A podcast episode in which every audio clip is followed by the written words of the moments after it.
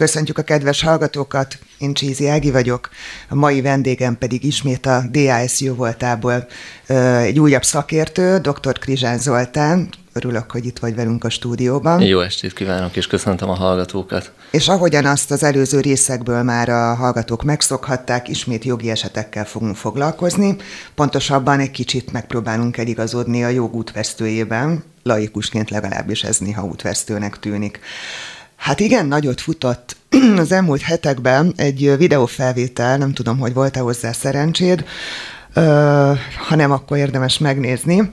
Ez ugyanis arról szól, hogy egy igazoltatást fölvet, vagy egy közúti ellenőrzést fölvet videóra valaki. A rendőr többször elkéri a járművezető papírjait, aki megtagadja ezt, és hát egy hosszú-hosszú vita végeredménye végül az lesz, hogy bilincs csattan az illetőnek a kezén, hiszen ellenállt sőt, amennyire tudom, még talán hatóság elleni erőszakot is elkövetett, bár ez a felvételből nem derül ki egyértelműen. Minden esetre olvasgattam a kommenteket egyik másik platformon, ahol fölmerült vitaként, hogy egyáltalán tényleg mindenféle gyanú nélkül lehet közúti ellenőrzést tartani és elkérni a papírokat? Egyes állítások szerint igen, más állítások szerint pedig ilyenről szó sem lehet. A videó, amit említesz, egy ilyen összefoglalót láttam, és annyit hallottam róla, hogy nagy kommentvitát váltott ki nagyon sok emberben. Az, igaz, az igazoltatásról annyit kell tudnunk, hogy a jogszabály eléggé tágan fogalmaz, bűnmegelőzési, bűnrend, tehát közrendvédelmi feladatokat lát el a rendőr, ez a rendőrségi törvényből jön, és ez adja neki azt a hatáskörét, hogy akár egyébként szúrópróba szerűen is megállíthat egy járókelőt, megállíthat autóst és igazoltathatja. Tehát kettő esetet különböztethetünk meg, különböztethetünk meg. Az egyik az úgynevezett fokozott ellenőrzés, tehát ez az a kör, amikor valamilyen személyeknek vagy több személynek az igazoltatása szükséges. Vannak különböző akciók, például, hogyha nem kapcsoljuk be a biztonsági jövet, gyerekülés használata, ittas vezetés, ugye szabályozott mérések, hogy milyen sebességgel haladunk, tehát ezek azok az akciók, ez képezi a másik csoportot, ami a bűnmegelőzés is a, a, az egyéb ilyen bűnöldözési feladatokhoz tartozik, emellett pedig a közrend fenntartása érdekében igazából a rendőrnek egy ilyen gyanú elegendő, hogy, hogy megállítson minket, tehát jogos lesz alapvetően az ő igazoltatása. A, ezek talán úgy hangozhatnak, hogy egy jogállamban vagy egy ilyen közrendi feladat ellátása során ez egy picit túl nagy hatáskör, ezért fontosnak tartom megemlíteni, hogy itt is vannak a rendőrnek is kötelezettségei. Az egyik az, hogy ugye igazoltatnia kell, igazolnia kell magát, hogy ő kicsoda, be kell mutatkoznia, el kell mondania, hogy most éppen mi történik, mi az oka, miért állítod meg minket, mit kér tőlünk. Tehát és indokat is kell mondania? De elegendő az az indok, hogy ez most itt egy közúti ellenőrzés. Ez lesz az indok, uh-huh. igen. És hogyha elkezdünk akadékoskodni, tehát ebbe a jogszabályhelybe, amit a rendőrségi törvény előír, nagyon sok mindent, tehát tényleg minden bele férhet, hogy most a közrend egy tág, a fogalmát most nem ismertetném, de hogy ez egy nagyon tág, hogy a közrendi feladatokba tényleg minden bele tartozik, a szabálysértésektől kezdve a bűncselekményekig, és azokat meg kell ugye előzni a részben, másrészt, hogyha meg valamilyen gyanút észlel, vagy azt gondolja, akkor, akkor ő ezt megteheti. Olyan esettel egyébként nem találkoztam, hogy így szúrópróba szerűen csak azért, hogy szórakozzon az emberrel, a rendőr akkor így megállít minket, tehát azért erre úgymond se idejük, se kapacitásuk nincsen a, a rendőri szerveknek. Amit fontosnak tartunk még kiemelni, visszatérve magához az igazoltatás menetéhez, hogyha ha rátérhetünk erre, tehát be kell mutatkoznia, és végig egy ilyen udvarias együttműködő hangnemet kell tanúsítania magának a rendőrnek is. Nyilván ez a másik félnek a, a hozzáállásán és kez, vagy kezelésén is múlik, hogy milyen irányba fog elmenni az egész történet. És mi van, hogyha mondjuk a, a rendőr nem mutatkozik be, vagy, vagy, vagy valamit ö, nem mond el ezek közül, amiket te kiemeltél, hogy ez az ő kötelezettsége? Rákérdezhetünk, hogyha például nem mutat jelvény, nem mutat igazolványt, akkor erősködhetünk, hogy hogy akkor tulajdonképpen nincs is igazolva az, hogy ő egy hivatalos személy, hogy ő egy rendőri személy. Mondhatjuk azt, hogy akkor így, így nem tudunk együttműködni, de hogyha ezt követően előkerül a, a jelvény és igazolvány, lehet, hogy már ez megadja az egész hangulatát a, az igazoltatásnak, hogy egy picit negatív irányba megy. Ami fontos az az, hogy panasszal élhetünk. Uh-huh. Az igazoltatással szemben akként, hogy sértették mondjuk az emberi méltóságunkat. Nagyon lekezelően bántak velünk.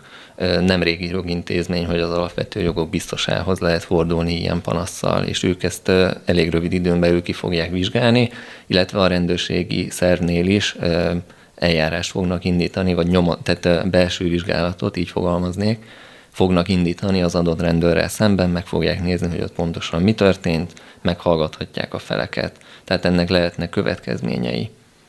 És az ilyen típusú igazoltatás, ez akkor is működik, vagy akkor is megállja a helyét, hogyha én egyszerűen csak gyalogosan közlekedem, nem tudom, megyek a Rákóczi útanából B-be, akkor is odaléphet hozzám egy rendőr, és azt mondhatja, hogy kéri a papírjaimat, mert ő most igazoltatni szeretne? Alapvetően igen nem jellemző. Tehát a, a, ami itt a gyakorlatunkban előfordul, és amit látunk, az alapján azért igen kevés ilyen eset van, vagy hogyha igen, akkor az tényleg egy udvarias formában tud működni. Rátérve a videóra, ugye itt egy nagyon jó összefoglalót mondtál a, a bevezetőben, hogy ott ellenállt a, az ember, és hogy végül bilincs is csattant. Tehát tudni kell, hogy ha ellenállunk, és nem működünk együtt a hatósági szervvel, akkor az egy szabálysértés lesz. Különbséget érdemes tenni a között, hogy milyen fokozatok vannak. Ugye itt a legdurvább az a bűncselekmény, ez az összefoglaló név. Ezzel egy úgymond alacsonyabb kategória a szabálysértés, amit szintén úgy definiálhatunk, és nem szeretnék ilyen jogi szakzsargont mondani, meg a kedves hallgatókat ezzel terhelni, de a lényeg az, hogy a mi cselekvésünk veszélyes a társadalomra bűncselekménynél ez a társadalomra veszélyesség, ez egy nagyon magas fokú, ezért büntet a törvény és a, az állam. Szabálysértésnél ez egy enyhébb fokozat, de még mindig megtorolni kívánja, vagy uh-huh. így, így jár el a, a hatóság. Ez egy, ez egy fontos megkülönböztetés, hogy mikor beszélhetünk bűncselekményről, mikor szabálysértésről. Ez a társadalomra veszélyesség, ez tényleg azt jelenti, köznyelvre lefordítva, hogy sérti az államnak, az adott területnek, a másik embernek, tehát vagy a társadalmat, vagy a gazdasági, vagy a politikai működését az egész rendszernek és társadalomnak. Ez jelenti azt, hogy a mi cselekvésünk veszélyes a, a társadalomra. Ha már a közlekedésről beszélünk, akkor tudnál még mondani pár példát, hogy mi az, ami szabálysértésnek minősül? Igen, tehát... Mondjuk jellemzően. Igen, tök jó a felvetése, tehát kiindulva mondjuk ez egy fix rendszer. Benne van a törvényben, hogy mik minősülnek szabálysértésnek, mik minősülnek bűncselekménynek, és akkor ide behoznám harmadik kategóriának a közlekedési szabályszegéseket, ami nagyjából egy szintre hozható a szabálysértéssel, de ott mégis vannak különbségek, majd hogyha még az idő engedi, akkor erre szívesen rá térek és beszélhetünk róla. A, a szabálysértéseket felsorolják törvények. Egy nagy törvény van, a szabálysértési törvény, és emellé tudjuk párhuzamba behozni még a KRESZT. A KRESZT az egy rendeleti forma, hogyha így a, a jogszabályi elhelyezkedését akarjuk meg, megtudni. A kreszben ugye rengeteg szabályt ránk rónak, hogy miket kell betartani a közlekedés során, mind járművezetőnek, mind gyalogosnak, mind biciklisnek. A, hogyha ott megszegünk valamilyen szabályt, és ez visszautal a szabálysértési törvényre, ami ezt meghatározza, akkor ott egy szabálysértésről van szó, tehát szabálysértési eljárást fognak velünk szemben indítani. A leggyakoribb szabálysértések, ugye ez lehet az egyik, ez a igazoltatásban nem működünk közre. A legtipikusabbak egyébként, ugye ez szerintem egy annyira nem fordul elő gyakran, remélem legalábbis. Sokkal gyakoribb inkább az, hogy mondjuk mozgáskorlátozott helyen parkolunk. Gyakori a különböző megállási és várakozási szabályoknak a megsértése. Ezek is szabálysértések lesznek. Megállási járdán hogyha nem biztosítjuk mondjuk a helyet a járókelőknek, vagy úgymond tilosban parkolunk. Az előzés szabályainak a megszegése. Az, hogyha az elsőbségadást elmulasztjuk kereszteződésben, körforgalomban, bármilyen közlekedési szituációban, az, hogy a járműnek nincsen érvényes műszaki engedélye, vagy nem rendelkezik kötelező gépjármű felelősségbiztosítása, ezek is szabálysértések lesznek, és a törvényben meghatározott szankciók közül választhatja ki, vagy dönt úgy a hatóság, elsősorban a rendőrség, bizonyos esetekben a közterület felügyelet, hogy milyen szankciót fognak velünk szemben alkalmazni. Az jutott eszembe példaként, hogy a, amiket ugye tapasztalunk, hogy hát egyrészt az, hogy nem lehet számtalan járdán közlekedni, mert gyakorlatilag az autók foglalják el a helyet, hát ez egy mindennapos tapasztalat, pedig most felsoroltad a szabásértések közé. De hogy az is, meg hát az, hogy mozgássérült helyen parkol valaki, hát sajnos az sem különösebben ritka, bár talán mostanában már kicsit jobban odafigyelnek rá az emberek. De az is egy, egy visszatérő élményem, hogy vannak, tudod, annak azok a parkolóhelyek, amik ilyen kettesével felosztott parkolóhelyek, és valaki úgy dönt, hogy ő annak a kellős közepére áll be, hogy még véletlenül sem tud mellé beállni semmilyen másik járműn. Ez például is most nem zavarba hozó, vagy ilyen, ilyen zsákba macska kérdésnek szántam ezt, csak egyszerűen bevillant ez a kép, hogy ez, ez, ez számíthat bárhol, bármilyen büntetésre, aki, aki például így parkol? Vagy az ember kénytelen a vállát megvonni, és magában elmormolni néhány csúnya mondatot? Van a kreszből adódóan és a szabálysértési törvényben egy olyan, hogy közúti közlekedési szabályok kisebb fokú megsértése. Ez nincsen konkrétan ö, beleírva, hogy ez mit jelent, tehát ez egy tágkör, nagyon sok minden bele tartozhat. Például volt egy olyan esetem a múltkor, hogy az ügyfél ö, közlekedett, sötét volt, és mondjuk nem égett az hátsó lámpája, vagy a ö, rendszám kivilágítás nem volt megfelelő. A KRESZ azt írja elő, hogy biztosítani kell a biztonságos közlekedést, és talán külön elő is van írva, hogy a rendszámtáblának ki kell világítva lennie. Ő ezt megszegte, ez visszautal arra, hogy ő megszegte kisebb fokúan ezeket a közlekedési szabályokat, és ezért indítanak szabálysértési eljárást. Az az eset, amit mondtál most, én ezt ebbe a körbe tudnám beletenni, hozzáteszem nem tipikus, tehát nem láttam még olyan esetet, hogy így bírságot kapnának uh-huh. sofőrök sokkal inkább az szokott így lenni a, a probléma, hogy, hogy a tiltott helyen parkolást torolják meg. Ja, azt is említetted, hogy a kressznek megfelelően kell közlekednünk, nem csak akkor, hogyha járművet vezetünk, hanem akkor is például, hogyha gyalogosok vagyunk. Gyalogosként én milyen szabásértést tudok elkövetni a közlekedésben? Például, hogyha tiltott helyen mész át, most ugye itt a, a gyalogosnak a közlekedése azért elég szépen le van írva a kreszben, hogy mit, hogyan, merre lehet. Hogyha nincsen gyalogos átkelőhely, tehát zebra, akkor az út meghosszabbított vonalában átkelhetsz.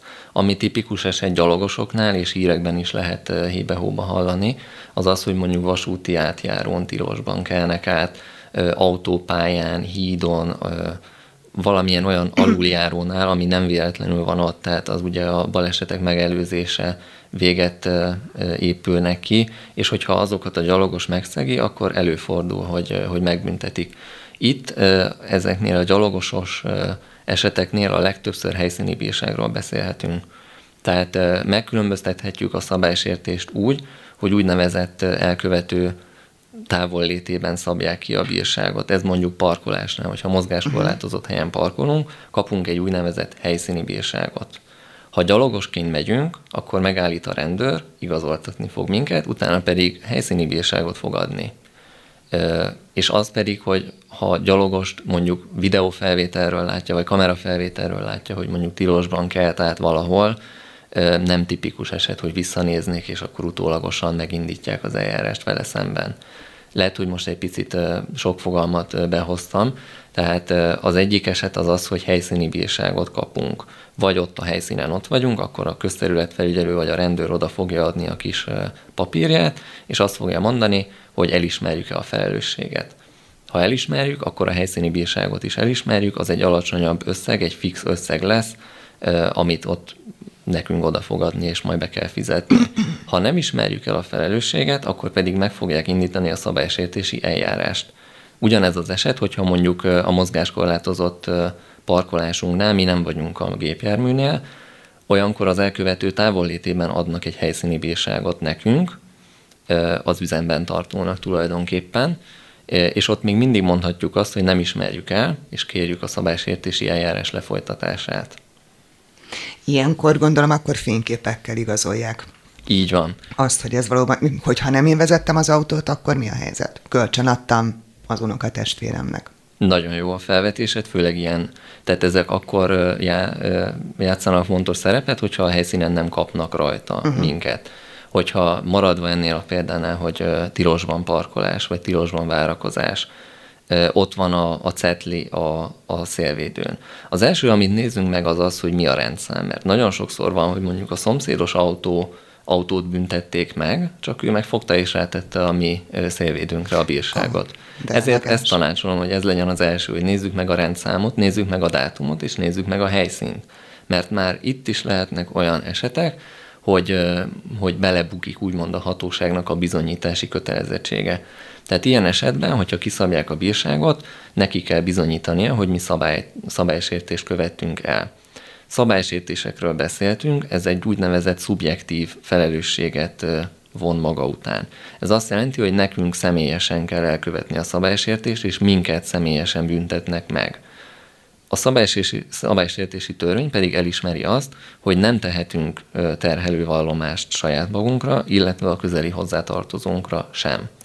Tehát, hogyha mondjuk nem mi vezettük az autót, hanem valamelyik rokonunk, gyermek, tehát közeli hozzátartozó, esetleg szülő, vagy kölcsönadtuk igazolhatóan, az már másik eset lesz mondjuk, de hogyha közeli hozzátartozóról van szó, akkor mondhatjuk azt, hogy nem, nem tudjuk megnevezni, hogy ki vezette a gépjárművet, mert akkor vagy saját magunkat, vagy valamelyik hozzátartozónkat vádolnánk meg szabálysértés elkövetésével és a törvény az alól egy felmentést ad. Tehát ilyenkor mondhatjuk azt, hogy nem, nem teszünk ilyen nyilatkozatot. De ebben az esetben viszont úgy képzelem el, hogy ha valóban nem én vezettem, hanem a testvérem, most direkt olyat mondtam, ami nincs, és, és akkor én nem teszek olyan terhelő nyilatkozatot, vallomást, nem tudom, amivel, amivel őt bajba sodrom, de hát akkor én magam maradok bajban, mert akkor az lesz a további kiindulópont, hogy én vagyok, aki az autót vezettem, kezeltem, oda parkoltam ahova.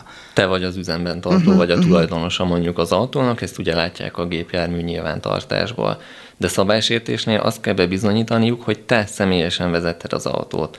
Te nem vagy magadra nézve kötelező vallomást tenni, tehetsz, és akkor azt felhasználják ellened, de ha meg nem teszel, akkor tovább kell bizonyítani a hatóságnak. Ez, és visszakanyarodva az első felvetésedhez, ez történhet esetleg fényképfelvétellel, vagy kamerafelvétellel közterületen, hogyha az megvan és látszik, hogy az adott időpont környékén, az adott helyen te vezetted az autót, és beazonosítható a felvétel alapján a te személyed, akkor, akkor a szabálysértést veled szemben megállapíthatják. Dr. Krizsán Zoltánnal beszélgetünk, a DAS jogvédelem ö, munkatársával, szakértőjével, és szóba került ugye már sok minden az igazoltatás kapcsán is. Ö, itt megint csak egy kicsit visszacsatlakoznék a már említett videó ö, alatt gyülekező kommentekhez, ahol az is heves vitát váltott ki több helyen, hogy egyáltalán az ember kinek köteles odaadni az igazolványát, és kinek nem. Lehet ezt ennyire egyszerűen kategorizálni? A közfeladatot ellátó személyeknek ad jogot a jogszabály, ezt nem egy helyen találjuk meg, tehát a rendőrségi törvényben benne van, hogy a rendőr igazoltathat. A közterület felügyelőkről van egy 1999-es törvény, az is belefoglalja, hogy milyen jogaik vannak a közterület felügyelőknek, és ezt a jogot például megadja nekik, hogy igazoltathat. Ezen kívül vannak egyéb rendvédelmi feladatok, például erdőőr, halőr, úgy tudom, hogy ez egy külön rendeletben van, egy kormányrendeletben, és nek őket is felruház bizonyos többletjogokkal a jogszabály. Fontosnak tartom kiemelni, hogy mondjuk egy közúti közlek, tehát közle, mm, hogy hívják ezt?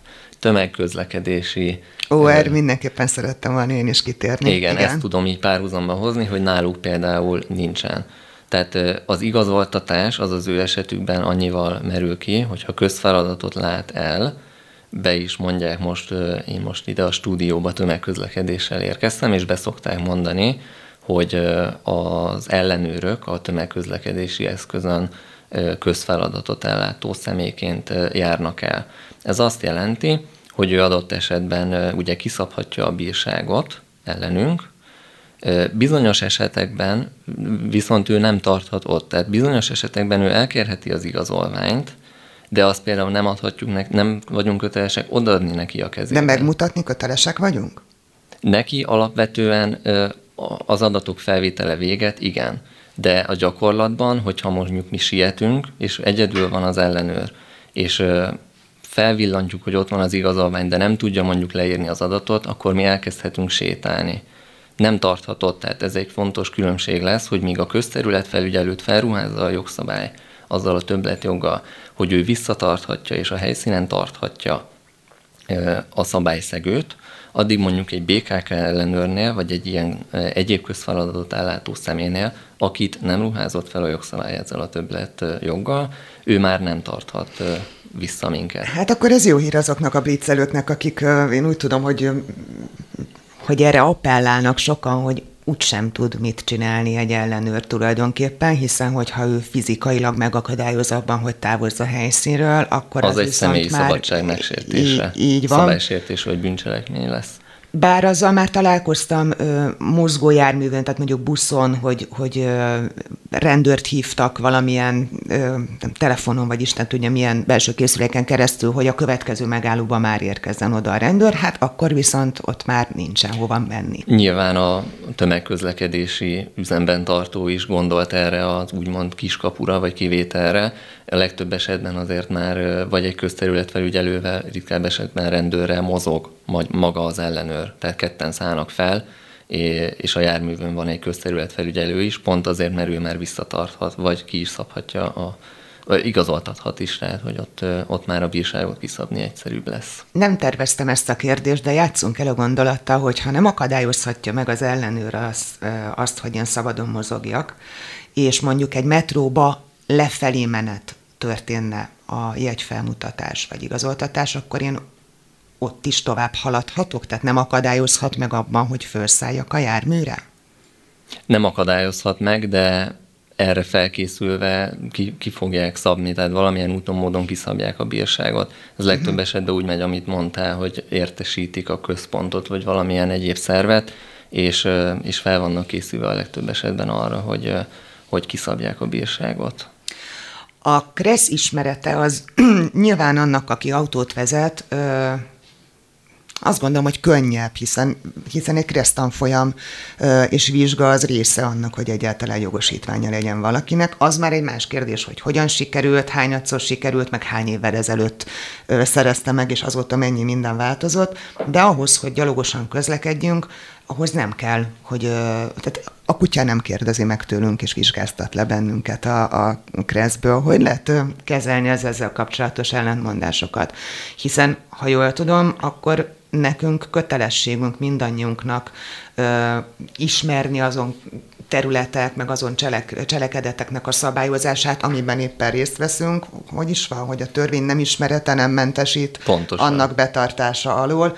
Tudnál néhány olyan dolgot ö, súgni, mondjuk gyalogosoknak elsősorban, ami, amit jó, ha tudnak, dacára annak, hogy egyébként nem biztos, hogy kresszvizsgával rendelkeznek? Nem is kell, tehát itt a, a szocializáció, ahogy felnő az ember, az a magatartás, amit lát az embereken, azért a gyalogos kultúra az, az követi a társadalmi szokásokat és a, a szabályokat is.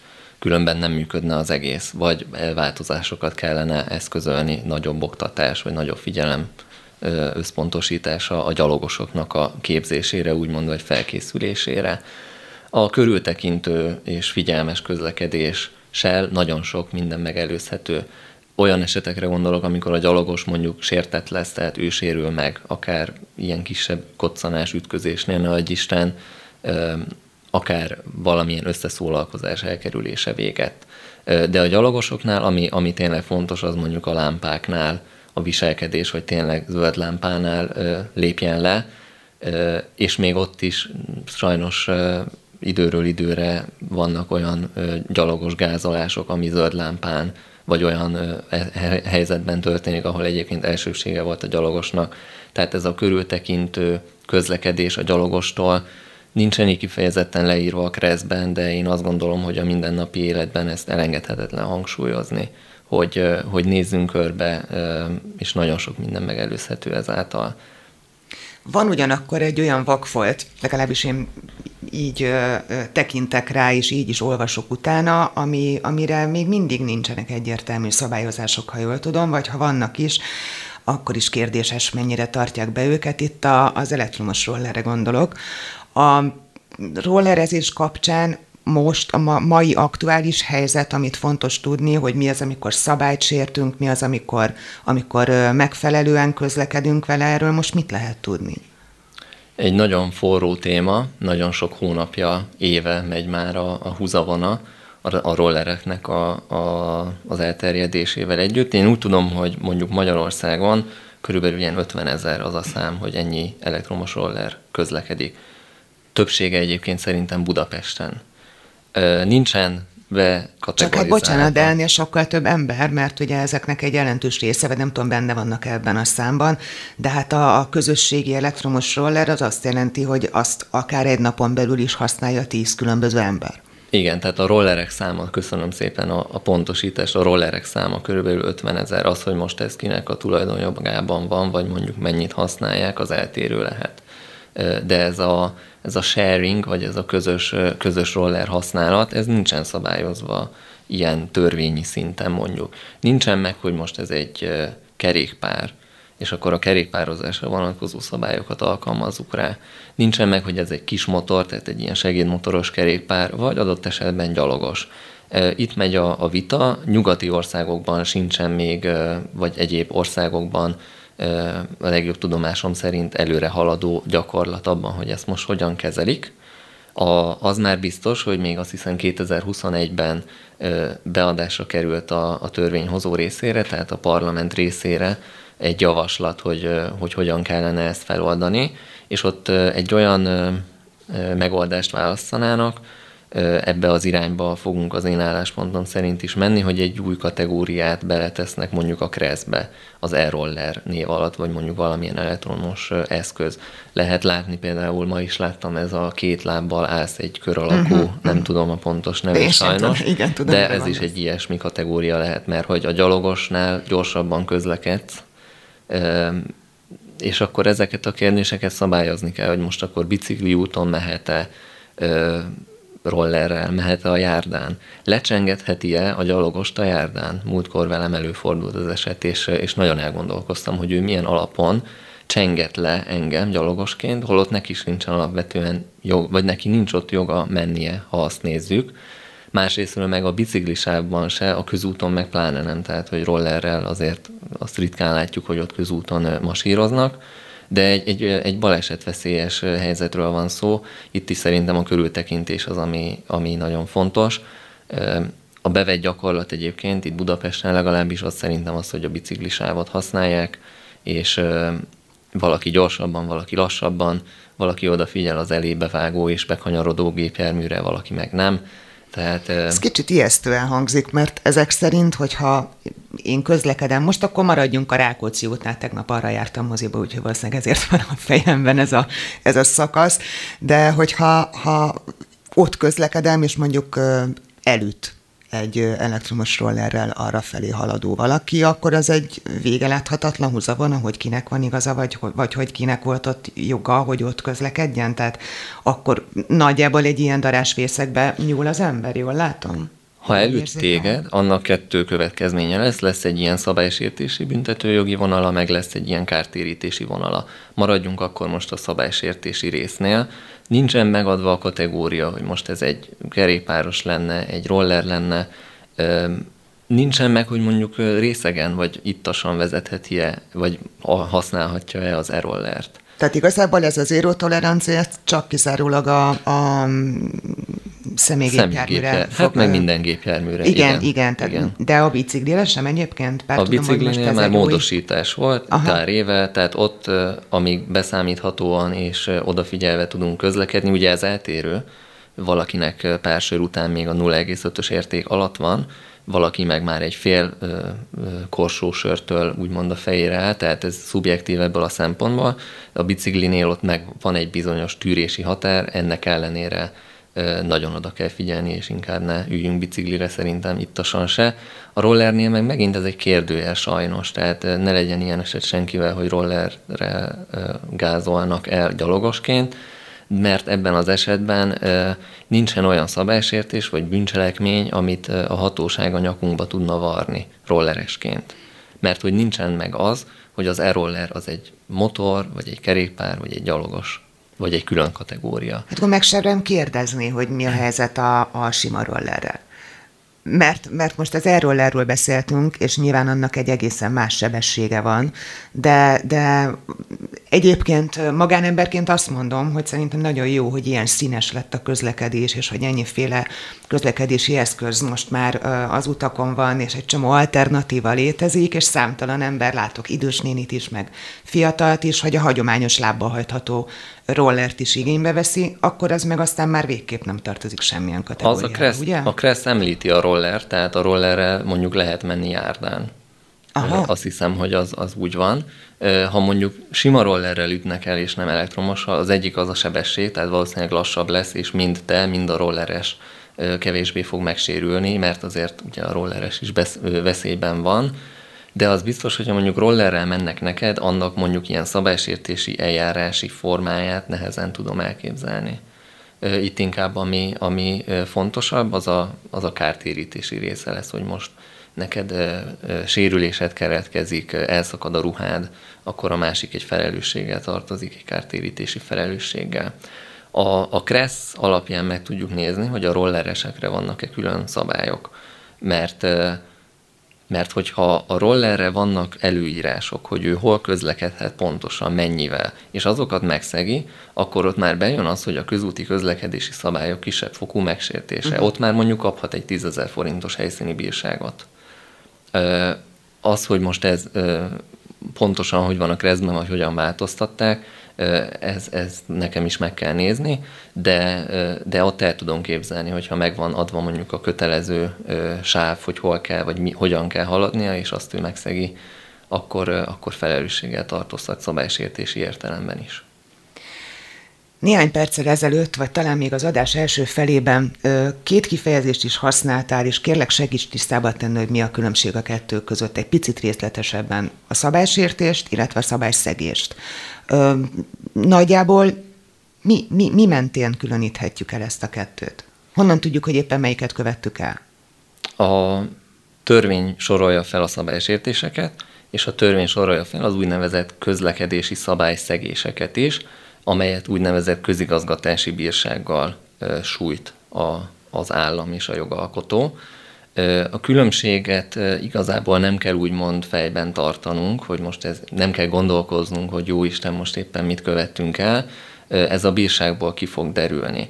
De a közlekedési szabályszegés, mint fogalom, azt egy külön törvény magyarázza, és külön törvény szintén a kressz szabályokat szegjük meg egyébként, csak más törvényre utal vissza, ahol megtaláljuk az ennek a büntetési tételét, úgymond. Akkor ez csak becsapós, vagy túl szubjektív, hogy valamennyivel kicsit olyan enyhébbnek hangzik maga a kifejezés a pedig pont, sértésnél a szegés. Pedig a felelősségre vonás szempontjából pont, hogy ezeknél a szabályszegéseknél, amit közigazgatási kategóriába tudunk tenni, ezek pont, hogy szigorúbbak abból a szempontból, hogy itt az adás elején mondtam, hogy szabálysértésnél szubjektív felelősséget uh-huh. keresünk, míg ezeknél a közlekedési szabályszegéseknél objektív a felelősség, tehát itt végső soron az üzemben tartót vagy a tulajdonost elő fogják venni, és őt kötelezhetik arra, hogy fizessen legtöbb esetben ezek egyébként pénzbírságok szoktak lenni. Mondok példát, a, a, hogy a hallgatók is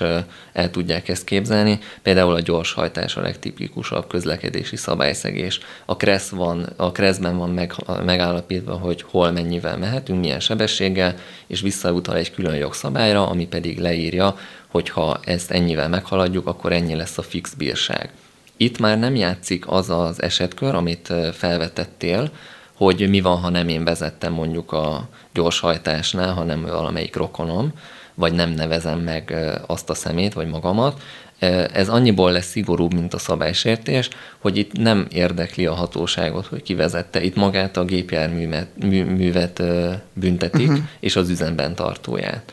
Lehetőség van megnevezni mondjuk fuvarozó cégeknél, vagy bérleti jogviszonyoknál, hogyha bérbeadod az autót, és te, mint üzemben tartó fogod megkapni a csekket, vagy ezt a bírságot, akkor nyilatkozhatsz, hogy nem én vezettem, hanem XY, és akkor tovább hárítják rá ezt a bírságot. Ha pedig ő nem fizeti meg, akkor végső soron így is úgy is az üzemben tartótól fogják behajtani. Az adás vége felé közeledve minden adás végén el szokott hangozni a számból, hogy, hogy várunk olyan hallgatói ügyeket, eseteket, amikben tudunk segíteni, és ezeket továbbra is várjuk. A címünk jogoskukacdas.hu, erre az e-mail címre lehet megküldeni, hogy mi az, amiben segíteni tudunk.